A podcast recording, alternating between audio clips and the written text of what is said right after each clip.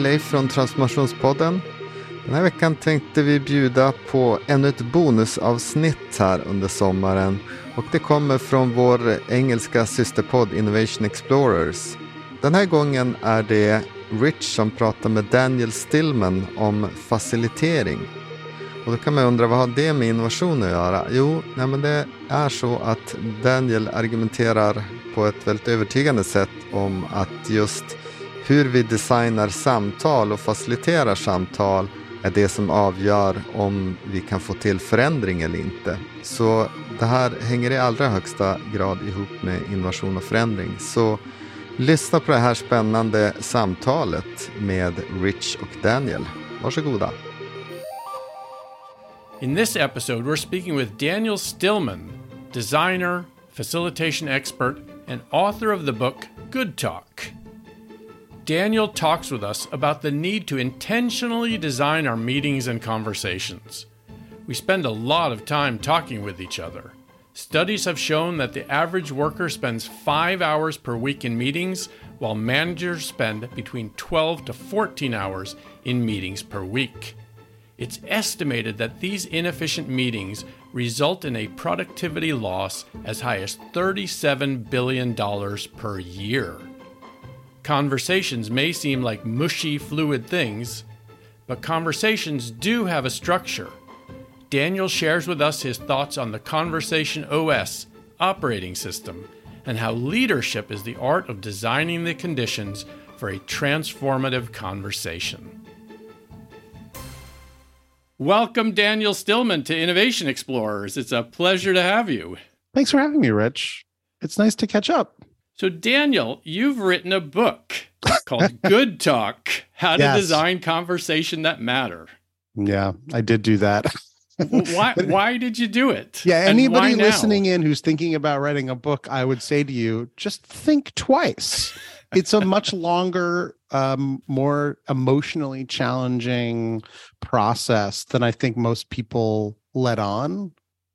Um, and it's it's a it's a thing. Like I had a I had a writing coach because I'm not a professional writer and and writing a book well, writing a proposal for a book is like a whole thing. Right? Writing a proposal so that a publisher can go, "Hmm, no thanks," or "Oh, maybe." That whole that whole process and then turning what's in your brain and in your your heart into a book, it's like this whole long drawn out process. And with the book about conversations that matter, I had had this thesis that we are designing conversations and that we can, you know, design them better. And I had these nine elements in the conversation operating system, but I knew more about some of them than others. So some hmm. chapters were much harder than others, like power. I actually don't know a lot about power. I know that it's an important factor in conversations, but you know, the conversations about power were more challenging for me. Um, I so yeah, I I did write the book. if you're listening, think twice, and it's going to take longer and be harder than you than you than you want it to be. Just All so- right. So, first piece of advice is maybe not write a book. It's No, no, I mean write just- it, write it, but Yeah. just go into it with your eyes open, right? I think people are Okay. like, "Oh, write a book. This would be great. I'll just pad out some words." It's like eh, there's there's a whole it's a whole journey. So, not just repurposing all of your blog posts into some. I definitely think people do that, but no, I, I I did not have the ability to do that. I I started from scratch. It's crazy pants. So, why conversations? Of all the things you could write about, why did you decide to write about conversations? Yeah, I mean, when I so I went to design school, I studied industrial design, and when I got out of design school, uh, this whole all, all these other layers of design appeared to me uh, very quickly. Nobody pointed out to me that in design school that industrial design had had its heyday in the fifties, uh, and that there was all these other types of design, specifically interaction design, which I wasn't taught about at all in design school. And the design firm that I was working at was like, you know, we're designing all these physical products and they're basically getting thinner and they're disappearing. And somebody else is designing what where the action is really happening. The, the screen. and I, and they and it, in a way it was a mystery to all of us. And so they sent me off on a mission of like can you learn about what interaction design is so that we can you know instead of just designing the tv we can design the tv interface. Instead of just designing the printer we can design the printer interface. So i was working in this world between physical and digital product interfaces. And hmm. Learning what interaction design was and the ways in which it was similar to industrial design and the ways in which it was different and then a couple years later, people were like, well, actually, we're designing experiences. And somebody else then said, no, no, no, we are designing services. And every wave of design that came through my psychology did change how I saw things. Interesting. Certainly yeah. when yeah. Uh, when you when you start to see things as services instead of products, it really changes how you how you design. And one thing that I was not taught in design school was stakeholder management. I was not taught how to get a group of people together to have an important conversation. And I remember the first like collaborative workshop I saw someone run. Um, it was my friend Ju Young. She did a word, like a sticker colla- photograph collage exercise where she had everyone talk about what is my ideal experience for this product, service, or experience and what is not. And I saw her do this exercise and I was like, this is really cool. This is a great way to get inside people's heads and get them to express what's going on, to have a really, really powerful conversation about what this thing that we're making should be. And this is the kind of, these are the kind of challenging conversations that happen when a team from a company is working with an agency or inside of a company saying, like, you know, we need to change this. How? And I remember saying to my boss, we were having this big meeting where all of the stakeholders from one of clients were coming in and, you know, the engineers, the marketers, the designers, business folks, and to have one of these really important conversations. And I was like, I have an idea. And I tried to explain it to him. He didn't quite get it because I had just experienced it. And I and I've seen this thing sort of happen over and over again. I said, look, please just trust me. It's going to be cool. And I ran the always never is isn't word cloud sticker. I printed all these stickers sheets. I gave everyone a sticker sheet and say, okay, your your ideal experience for this is this and isn't that. And I remember the conversation. I mean, God, this is almost 15, 16 years ago now, but I remember the conversation where one of the engineers had put uh, magical on the isn't side. And one of the marketers uh, had put magical on the is side. They wanted this product to feel magical. And the engineers were like, it should not feel magical. And so then we got to have this conversation about, well, what does magical mean? And for the engineer, magical meant it wasn't scientific and efficacious. They were, this was a, a this was a really big company that prided themselves on the scientific basis of the products that they created and the engineer did not want people to think it was magical Mm-hmm. He wanted them to think that it was safe and efficacious and based in research. And the marketer was like, no, I want people to feel like uh, they don't really need to think too hard about how it works, that it's elegant. And that conversation is like, whoa, that was a really great conversation. And we wouldn't have gotten to it unless we had designed a process to get us there. And so I didn't call that conversation design.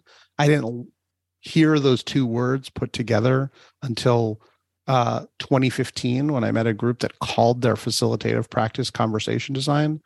But in that moment, I was like, wow, getting people together to have an important discussion is clearly valuable.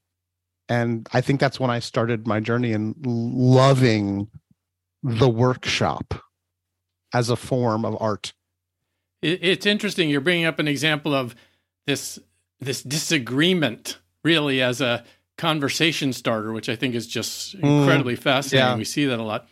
I, yeah. I, also recognize this the the journey. My journey was from film one way communication to this digital, which was two way, and two way was always this conversation. Yeah. And then you were trying. We kept trying. That meant it was like new. We hadn't done this before in social media, the age of conversation the discussions were how do you get people to do something new that they don't really are comfortable with. And Yeah. I, I think you, you have a quote in this, you know, leadership is the art of the designing the conditions for a transformative conversation. Yeah. You know, so it's a leader as designer and leader as conversationalist. yeah. I think these are really interesting concepts. And you also talk about, right, we spend a lot of time talking with other people. You have a, uh, Most of our time. statistic, statistic, right? Five average workers five hours a week. Managers are in meetings twelve to fourteen hours a week. That's a Well, these were all time, pre-pandemic statistics as well. you know. And you have like the produ- you have a productivity loss as high as thirty-seven billion. I remember in one Yeah. agency, every time we had a big meeting, the the owner would come in and say, "Do you know how much this is costing? You know how many people are in this meeting? Do we need that?"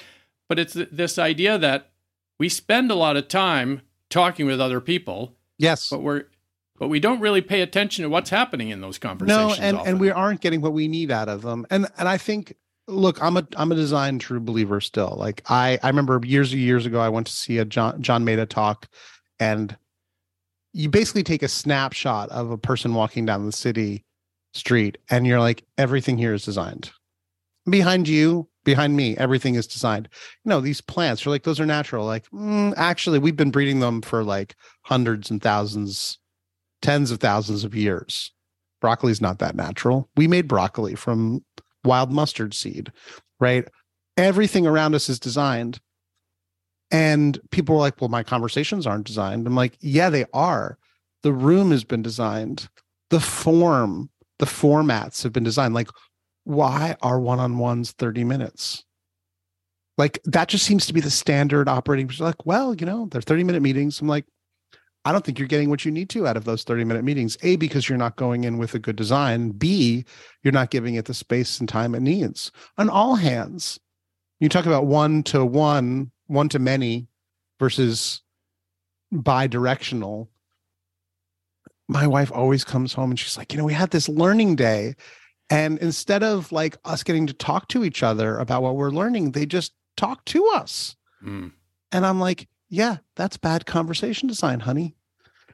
And it comes down to the person who has decided to lead the conversation. And are they willing to open up for a many to many conversation? It's riskier, it's scarier, it's it requires skill. And so either we're gonna run on an old, I mean, the narr- the the metaphor I use in the book is are we running an old operating system or are we going to use a new operating system?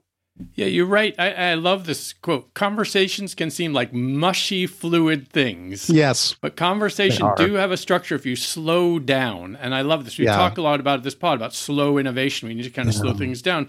And you you bring some of these things up, the intentionality of it, Mhm. right? What do we need from this? The agency of it. We can Yes. actually make the changes. You know, they aren't just happening to us. We are we are participating in that in a way. And when we're designing these terrible meetings, in some way, it's our fault. Yeah. And so well, you, yeah. you you also write. Wait, one more quote, and then you oh, can yeah, talk. please. Uh, Thank you. Just like a person can't get what they don't ask for, an organization can't do what it can't talk about. Right? We Yeah. avoid this uncomfortability. So this idea of intentionality and agency and uncomfortability. Mm. How do we kind of get through that? I first of all, I love that those lit you up and resonated with you, Rich. And and I want everyone to realize that we are all co-designing our conversations all the time. And that means that even if you are not the official leader of a conversation, you can speak up. I mean, obviously, when we're on Zoom now, we have the capacity to uh, ha- to mute people and to, they cannot unmute themselves, right? But you can raise your hand, you can wave your hands, you can put something in the chat, you can ask questions, and this is the art of invitation. So, one of the elements of the conversation operating system that is most um, ephemeral but deeply essential is the art of invitation to invite people into a conversation. The ability to say hey what would it be like if we had some time to talk to each other? Or to say i'm not quite ready to move on to the next step or this isn't working for me. So anybody in the conversation can do the emotional labor. It is indeed emotional labor. Anybody can speak up and attempt to lead the conversation in a transformational direction. That said, the person with uh, authority and quote unquote legitimate power and positional power can shape and invite the conversation in a different way because they're they've taken that or they've been given that power. But um, everyone has the power to say no i don't want to do that. That's what that's what i call negative power. Everyone has negative power. It's very hard to get an anarchist to do anything um, but it's risky. So yeah i think this idea of conversational leadership the ability to create the conditions for a transformational conversation is something we can all we are all imbued with that power. You know so we can say hey what the hell are you doing? Or you can say hey this doesn't feel great for me. Can we talk about what might be more appropriate based on what we're trying to create?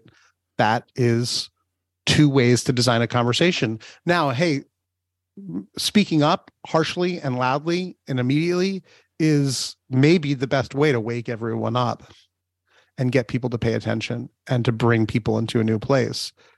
I'm not here to tell anybody exactly how to design their conversations given their context. Um, but it's everyone's job who's listening in. Like you are either um, being programmed or you're programming, right? I forget the guy who said that. It's like in in this world of technology, we're all being programmed or we're programming. And with conversational leadership and conversation design, we're either participating in old, habitual, hackneyed, ineffective conversation designs, or we are speaking up to redesign them or co-design them. It's a great point about power. You know, I yeah. love it's such a such a loaded word, right? Power doesn't mean that you get to decide everything to be right. If you're designing a good conversation, power might be that you enable people in the same way as reacting. Power doesn't mean that you yell at someone that you don't agree with. Power might be that you open up and say you're uncomfortable. It's reminding me we had uh, at an old agency we had a we had a meeting consultant come in. My my former boss loved to bring in these crazy consultants, and one of the things he did, which was cool for a little while, was he had this little thing we did. If we were in a meeting and we stopped paying attention, you had to raise your hand and say, I'm out. and so then, right? And so then the, the conversation had to slow down and bring everyone in. And if you did that two times, you, you had to leave the meeting. Oh, because wow. you obviously weren't paying attention. And so we did that for a while and then everyone left the meeting. So we had, that didn't really work. But it was this whole idea of he was oh. trying to get agency to give us focus. Now that's you a way to a, design the conversation, right? right. It, um, it, it, was it was a little bit of an aggressive, you know, it was a little aggressive, but but it worked to a certain extent. Yeah, I mean, as people do with the Elmo dolls. Enough. Let's move on. Uh, I was just recently reading. Um, I don't know if people who are listening and know game storming. It's one of my seminal oh, texts. Love it. love it. And there's actually a level to there's an there's an exercise in game storming which is about what is the right altitude for this conversation, right? Do we need to be at the ground level? Like in the grass in the weeds because the weeds is you know sometimes used as a pejorative term but we got to be in the weeds sometimes. And sometimes we need to be up in the clouds right? And weeds and clouds are used often as a way of saying we are not where we ought to be. And so having the conversation you know that that that weeds and clouds is a way of designing the conversation around what is the right what is the correct altitude for this conversation? And there was so i i've loved that tool and i've used that many times but there was an aspect of that tool that i'd never noticed which was actually getting everyone to make a paper airplane and then to fly it whenever they felt like we were at the wrong altitude. And so having a signal mm. where where people you know conversations about feedback. So to have a feedback loop when people are like oh my god enough let's move on or i'm out or hey we are in the weeds or the clouds again. We're not at the right altitude for this conversation. That is having an important feedback mechanism to make sure that the conversation is on track. So Great. important game storming for all of you listening. You can look, mm-hmm. check out gamestorming.com and all those things are out there. What was the what was the exercise? Altitude? Are we on the um, right altitude? Yeah, it's it's um I can find the link for it if if um no. if you want to link directly to it. The other I mean this really comes down to Rich this idea of like what is leadership. And this is one of the reasons why I've found my work going more and more into one-on-one leadership coaching because I used to have this idea that innovation inside of an organization could be achieved by everyone being more human centered. Right. And and I've definitely participated, as you know, in these large rollouts of like, let's get everyone having an innovation mindset. Right. And let's get everyone the skills and techniques. Let's design conversations so that people are um, able to talk to customers more and and have the skills to to digest to transform uh, those insights into actions and innovations. Hooray! That'll be amazing. And what doesn't happen is the way decisions are made at the quote unquote highest levels of the organization don't change. so I think at the end of the day, how conversations happen in the C suite in the C suite minus one or minus two, like how decisions get made, how we actually deliberate, discuss, decide is the most important skill. And all of those courses that I used to teach around innovation skills, the people who were not generally in those sessions really needed to be in those sessions. Right. And getting the senior leadership to actually understand how do I facilitate real deliberative dialogue so that we really discuss things and decide not from a knee jerk reaction, but from thoughtful consideration. Like that isn't that skill does not come for free. It really needs to be cultivated. Cultivated. Good good point, right? Because we, are really you. talking about the the culture of organizations and how they change and it, it ties yeah. into uh, you know explain in Eric Wood's book about strategy activation around these conversations and yeah. leadership has to do them. Um, and it doesn't it's not free we have to learn how to do it just like we have to learn how to do everything else you've also created as a help to this uh, operating system for conversations yeah i did nine elements people invitation power turn taking interface cadence threading goals error and repair uh, I'd like you to talk a little bit about that, but I'm wondering. It's interesting you you have chosen a technical metaphor operating for conversations. System? Yeah, operating system, which for something that's you know basically extremely human. Yes, I'm wondering why. So why did you do that? Is it just easier for us or leaders to understand it when you put it in that language? Um, you know, at the time, I think I was influenced by two things. One, like as you know, I used to do a lot of work uh, way back in the day with the Luma system of innovation and design thinking, and I I think people love grids for for good reason. Like they help us think and they help us see. And when I was starting to think about what the levers of design were like if we design conversations and i say we do what are we designing when we design them? What are the things that we can actually grab hold of and shift? And i had done an exercise um, many times with teams where i say like what do you think we can what are conversations made of? And people will generate a lot of different answers. And some of those things like um, emotions vibes tone some of those things we can control. You can try to control your tone. You can't control your emotions. I can't, at least. You can't control someone else's emotions. Can I control how many people are in the conversation? Sometimes. Does the does the number of people in the conversation literally change the conversation? Yes, it does. Does the place where we have the conversation literally change the conversation, the interface for the conversation? It 100% does. For those of us who have tried to have an innovation um, workshop in a long boardroom that's glass on one side and felt on the other, or worse, brick on one side and felt on the other you know what I mean. The space literally does not facilitate the conversation you want to have. It does not have the capacity to hold that conversation. I did a workshop in a room that was literally eight times bigger and made of echoey concrete than it needed to be. Like that space created a really crappy environment for the conversation. Right. So the the space of the conversation, the number of people in the conversation, those to me, maybe because of my first degree as a physicist, at my second degree as an industrial designer. I just thought like, what is the mutually exclusive and collectively exhaustive number of things that are that you can really, really grab hold on that are shiftable? So that was one part. And then the other was I was actually influenced by um, my friend Aaron Dignan wrote a book called Brave New Work. And he had an OS canvas for um, responsive organizations Hmm. And I remember, I mean, this was probably like 2016, 2017, maybe that came out. And I was like, yeah, like it's really, you need to have a canvas.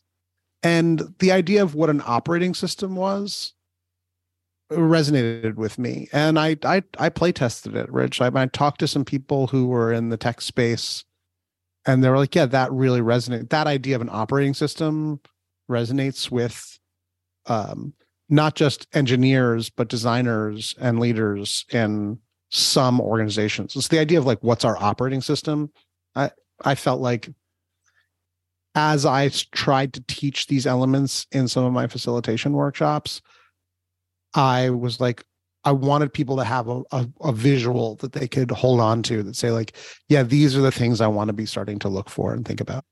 Yeah i think it's a, a really smart idea because again you're, you're talking about things that are very human and very emotional and very yeah. normal. And and when we talk about things, when I talk about things in those ways, it doesn't always resonate with leadership. Yes. Now I, I I've used something simpler most of the time now because the nine elements are there's so many of them and most people don't. And I say this in the book. Some of them are easier to see and some of them are easier to shift. One of the things that I find I um you know when i do coaching with leaders that comes up is they want to know how to as an individual how do i facilitate better conversations? And so the conversational leadership matrix that's much much later in the book it's a it's a two by two. It is just one version of many two by twos where each leader has to ask themselves what tensions am i navigating in my conversation? And so the one there uh, later in the chapter is like asking versus telling and focusing on problems versus focusing on solutions. Uh, another way to think of it is am I focusing on the past or the future? And uh, am I directing or am I coaching? And every every leader has to decide for themselves if what kind of conversations I'm trying to lead more of. I was just talking to somebody yesterday who's like, look, I um, have trained my team to he has a hard time being directive when he hmm. finally does not get what he wants, he winds up being directive, but in a forceful way when it's an emergency. Right. And so it's a situation where people are like, whoa, hey, what's going on? So he needs to get better at dialing it in and being clear about what's fixed, flexible, and free for him versus the ways in which he wants people to be creative, collaborative, or uh, unexpectedly innovative. And being clear on can I coach in this moment? Is it an emergency? Do I need to focus on asking what how would you do this? How what ways do you think that this problem can be solved? What approaches have you tried versus telling it's got to be done this way, it's got to be done at this moment, it's got to be done by you know by these criterion he's waiting too long to be directive and being directive he's either being too open too early not closed enough. And so he's he's got to develop his own compass right? So I, I often use that matrix in a simpler analogy now or we all have our own conversation compass where we say oh this is getting too hot or oh this conversation is going too slow. And everyone else has got their own compass but i think the the leaders of an organization have the um, responsibility to really be clear on the ways in which they want to lead a conversation and the ways in which they're trying to balance out asking versus telling focusing on well what's the real problem versus like well what are we going to do about it? Everybody has that set point where it's like well how much research are we going to do before we start taking action how much analysis are we going to do before we start coming up with prototypes? And everybody's got that set point but it's a leader's job to be really clear on uh, like jeff bezos said 70% right? We're gonna we're gonna go from analysis to action when we're 70% sure. That's his compass setting. That's his um thermostat setting on his conversational leadership compass on his matrix of conversational leadership he says like i'm not going to wait till we're 100% analysis before we get to action we're going to get to 70% this guy who i've i've been coaching he it's like, hey, well, why don't you do it? And then he's like, oh, I'm not getting what I need. Okay, do it. It's a very classic challenge of not knowing how to frame the problem well enough for the for the team. And that's that's that's leadership work. Hej, Jenny här. Jag jobbar på med träningslägret för innovationsledare som vi kör i Skellefteå i september. Så jag vill bara berätta lite om vad vi planerar. Med den här tredagarskursen vill vi göra dig tryggare i din roll att driva på utveckling och leda andra i innovationsarbete och har verkligen funderat på vad som krävs för det. Vi möter många som har koll på tjänstedesign och är vana med utforskande användarcentrerad metodik. Men ändå är rollen tuff. Som innovationsledare ska du skapa samsyn i din arbetsgrupp, få med dig ledningen, du ska kunna guida från testat koncept till implementation. Och det kräver systematik och det kräver mod. Och det kräver erfarenhet av att göra och träna på allt det här svåra. Och det är vad vi tänker göra under dessa tre fullpackade dagar. Anmälan är just nu öppen, men stänger 30 juni. Så säkra din plats idag. Följ länken i beskrivningen av poddavsnittet för att läsa mer och anmäla dig. Eller surfa till hellofuture.se så hittar du en länk till träningslägret på startsidan. Det kommer bli så spännande. Vi ses! Well, Daniel, it's interesting. You're getting into really self insight work, right, around leadership. And, and even for designers, we're so good. We keep saying we do insight work around others. We're not really that good of mm. understanding our own no. insights. And I think, you know, you're talking about Jeff Bezos seems very clear on what he needs and what he can do. And but most yes. of us are not. We don't really take the time Correct. to actually reflect on what we are doing and how we're acting and what we're feeling. You have a couple of these uh, examples, which I love in the book. So one of the things you talk about, an idea for for self insight, is this idea of turn taking. Oh yeah, right. You either initiate, move forward, or you, you react positively or negatively, or you reflect, you listen and peel back, or you reframe, or you don't mm-hmm. do anything. Yeah, and I think we're not. So one thing is we're not really clear on what how am I react what type of turn taking am I doing? Yes. And the other, you talk about this level of listening, right? Mm-hmm. Scanning, looking for facts, or empathetic, connecting, or emergent, connecting mm-hmm. things. We have these patterns of action, but we we're not really aware on how how we, it's easier to, for me to see what you're doing, but I'm yeah. not very you know often we're not really taking the time to understand how we're doing. And so That's this, so important. this self insight work as part of our conversation work seems to me to be one of the most interesting things in the book. Thank you. I, I well, so there's two aspects of this, Richard. I think one is um, you can design or invite better patterns, right? As a as a leader, or even just as as somebody in the room, you can invite and say, well, what would it be like if we just heard really quickly from everyone on this? right? Um, turn taking is usually done with somebody just just sort of speaks. We have unregulated turn taking, and so whoever feels most called in their operating system to uh, react, they raise their hands. And so I always joke, better turn taking patterns protect the introverts from the extro- extroverts, and it protects the extroverts from themselves. The extroverts don't know and we could just we don't have to label them introverts versus extroverts. We could just say like what is your uh, average response time to a question?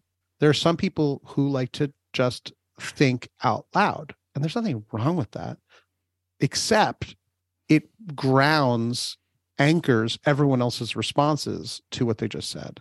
And so we all know this in good brainstorming. Like you want everyone to think alone before we think together and so we can we can we can invite better patterns but uh, you are 100% right rich we have to know what our own habitual approaches are because a lot of conversations especially one-on-one conversations are undesigned or unregulated and so we just have to understand like oh I want to respond. Well, maybe I should ask a little bit more. And to me, it also comes down to the physics of the thing because we can think at about 4,000 words per minute. Uh, it's really hard to measure it. Scientists and various researchers have tried to measure it, but it's certainly much faster than at least an order of magnitude faster than the rate at which we can speak. So we can only speak at about 125 words per minute. It takes us around what is it 600 milliseconds to formulate a response but generally speaking it's viewed as rude amounts of dead air to wait more than two or 300 milliseconds to respond to somebody after they stop talking. And so, wow. right? And so we are generally responding based on what we think someone is going to say by the time they're maybe two thirds of the way through their phrase. We're really good at trying to guess what people are feeling and what they're going to say because it is a survival skill as a human being right it's what we had to do in our family systems it's what we do in groups to try and guess what people are feeling and thinking and what they're going to say and i know I, I know where you're going i know where you're going with this i'm just going to head you off the path you're wrong right we do this right all the time it's much harder to let somebody finish and say, Tell me more about that. I heard you say this, this, and this. Tell me more. Because the odds are we did not hear, in fact, 100% odds, 100% odds, listeners, 100% odds, you did not hear everything they wanted to say or could say about it. And you only heard 125 words per minute, whereas they've got thousands of words per minute on their thinking about it. And if you want to respond to their worst first draft of their thoughts. You know, this is a straw man versus Iron Man uh, argumentation style. And for those who don't know, straw man is like you make a bad version of your opponent's argument and then knock it to pieces because it's straw. Instead, uh, make an iron person and try to make sure that you really understand their argument and all the strengths of it oh it sounds like this is important and that's important to you and and and if this this is the central component right tell me more about that get them to tell them tell you everything um these are ways to redesign our conversations i think this is why i, I wrote an article about the uh, the listening triangle i had heard a, a harvard business review article where they mentioned the idea of a listening triangle they did not illustrate it i drew my own version of the listening triangle where you listen you ask you listen, you then re-ask and then listen again. So active listening is just sort of like, oh, I heard you say mm-hmm. this. Is that right?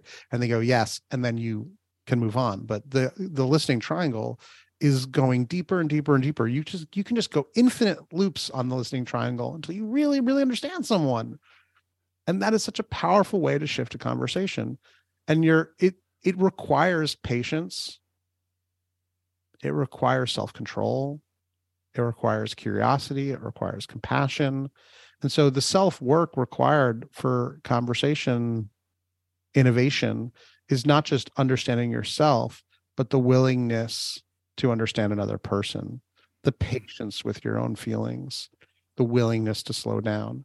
It does not come for free. It is it is work. I didn't think I was going to write a whole chapter on designing the conversations with ourselves and then i realized like it's a thing we are talking to ourselves all the time and nine times out of nine the conversations that we're having with ourselves are driving what we decide to do with other people and so there's a lot of layers of self work that go into transforming our conversations for sure so, Daniel, you're reminding me of a conversation I had tw- over 20 years ago with a former colleague, Buffy mm-hmm. Kelly, who's this amazing creative based in North Carolina now. And she she described, we said she was in a creative meeting, and we said, "How did it go?" She said, "Well, you know, there were six to ten people in the meeting. I can't remember how much, and everyone was listening as they were listening to someone talk.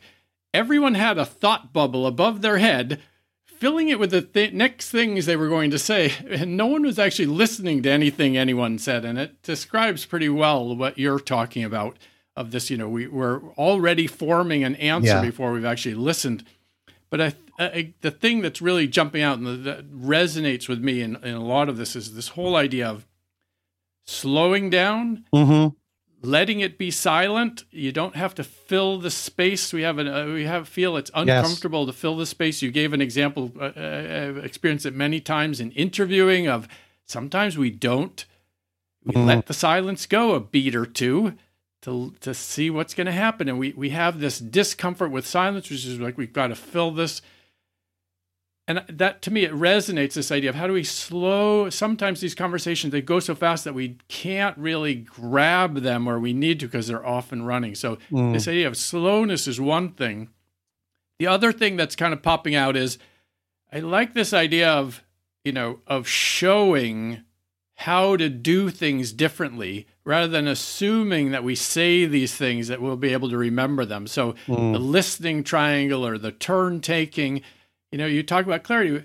Well, You know, if we could, if we'd be more transparent about, Mm. let's pay attention to these things, and it's easier to call it out when we see them Yes. than when we don't. Yes. To me, that's like, you know, we see you see you say we see speaking, where listening looks like doing nothing. Mm. Mm-hmm. And so that's another thing is like, how do we make this kind of listening, of not responding, have as high value as actually talking? Mm. The other thing I wanted to ask you is you're very well known for all of your work on facilitation. Mm. You know, your facilitation blog posts and your workshops, and very inspiring to all of us who facilitate lots of things, I have to tell you, and it's great stuff. So, how does facilitation play into this conversation design? Is it Hmm. the same thing? Is it a little different?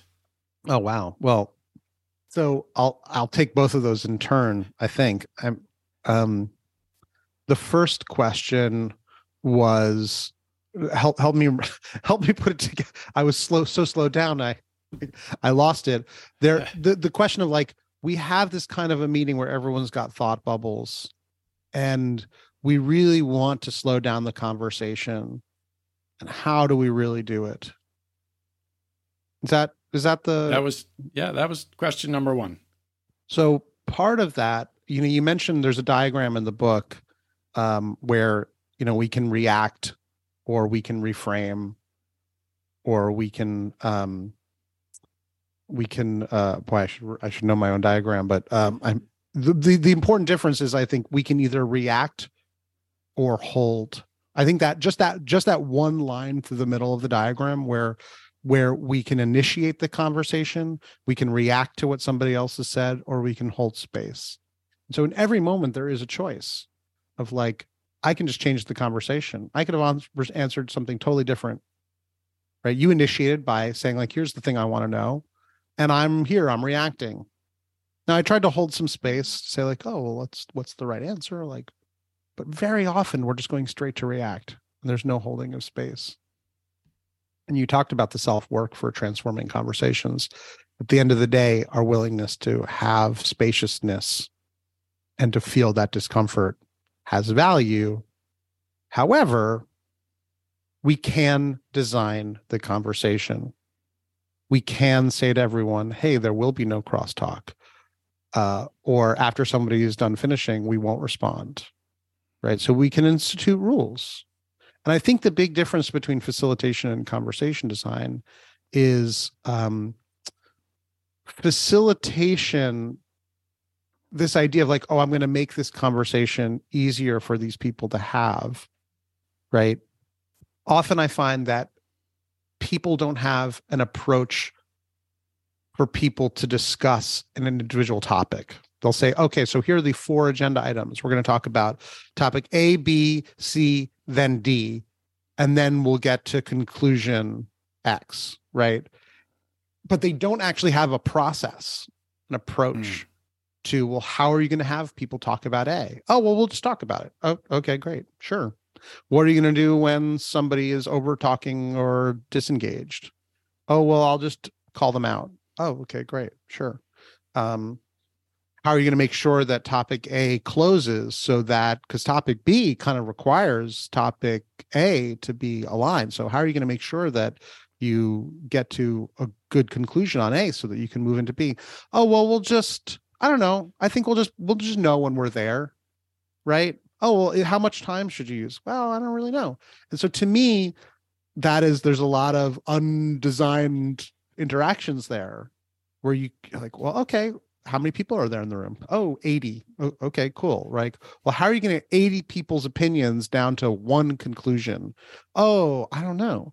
Well, is is it is it is that that's a hard close? Like, can we get from 80 to like five key, you know, options, and we can make five teams around five options for what B could be, and that to me is starting to get down into the design of the conversation where I have a clear approach to how the conversation is going to go. Not what the con- not what the conclusions are going to be, but a reasonable supposition for how I'm going to crunch down the thinking of 10, 15 people or even 5 people into one conclusion. How much space and time am I am I going to give to opening, exploring and closing? Right? That to me is a facilitation can just seem like, whoa, I'm just going to stand in front of the room and say, Rich, what do you think? Tom, how about you? Susie, great. Okay. Like that's moderation. I think sometimes facilitation can get confused with moderation and just being the moderator of like, whoa, whoa, whoa, we haven't heard from everybody yet.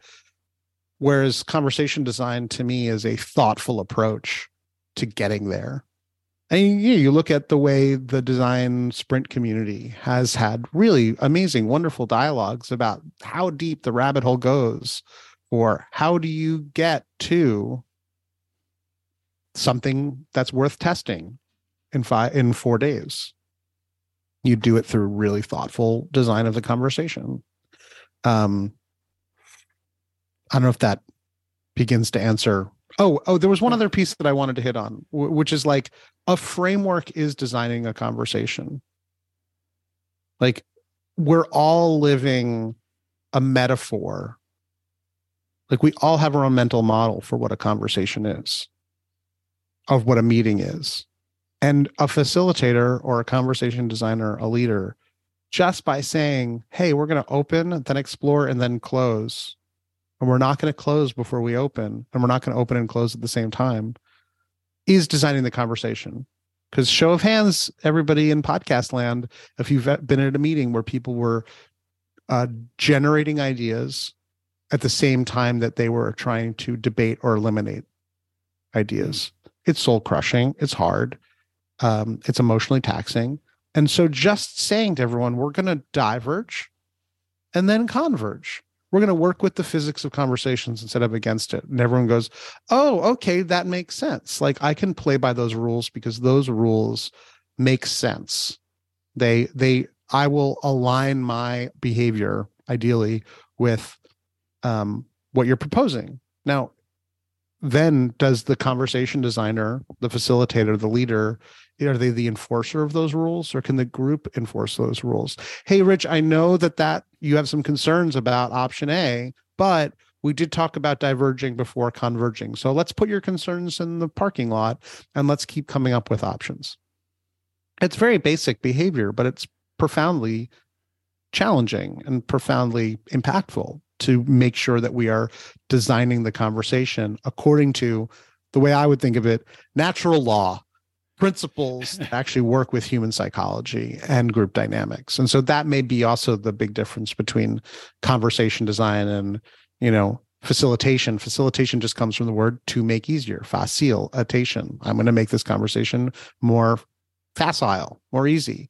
Whereas to me, the good design works with good design principles, good human psychological principles, good, I totally mispronounced that, good human design psychological principles, good human factors analysis. How big is someone's hand?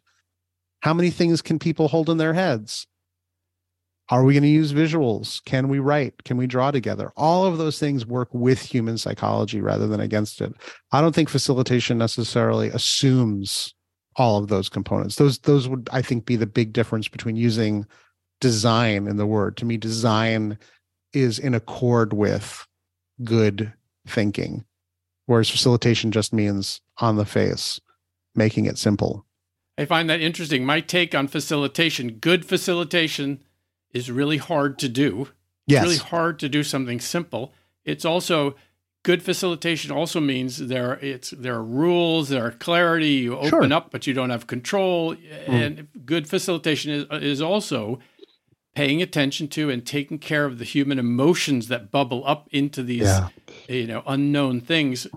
And to me, the the the connection that I loved was it's hard to be a good facilitator, but you can take those same rules, those same experiences, and apply them to just conversations. Yes. Because we train people to be good facilitators, we don't really train people to be good conversational designers. and to me, it's like, But a group is a- conversation is is a conversation, right? yes, Like an is. all hands is a conversation. And so leading or facilitating or structuring, I, you could make those all synonymous.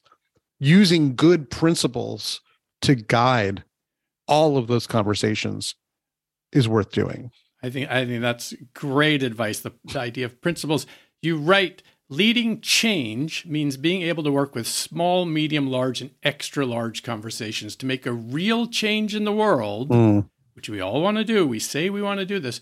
You will eventually need to navigate this range of conversations. Yeah. So you can't change without designing better conversations. I I agree with that statement that I that I wrote. I mean, we say I, I've definitely worked with leaders who are like, "Ah, I'm not good at storytelling. Like I I don't know how to be in those larger, you know, as a as an organization grows. Now, if you're talking about a large organization, the person who generally comes into that organization as the leader will have those skills. They should have those skills right? Somebody who can get in front of an all hands meeting and make people feel something, make people um, think about something differently, right? That is the one to many conversational skill, the ability to um, hold that kind of space for people to absorb something new.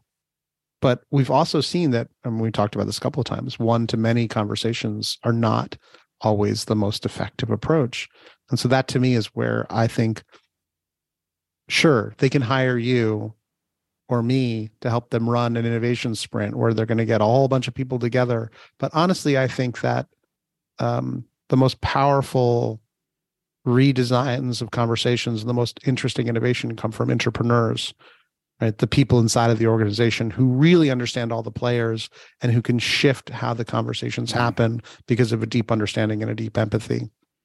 And so to me the ability to navigate and host and facilitate and design all of those conversations is the work of change. Who should we get together for this conversation? Who should be in the next conversation? Who should we be pitching? Who should we be trying to um, uh, massage into participation who should see things when they're at stage three. All of that is conversation design. It's community organizing right? It's community organizing and that is hosting. That's facilitation or by another word conversation design. It's it's i think it is what leadership is.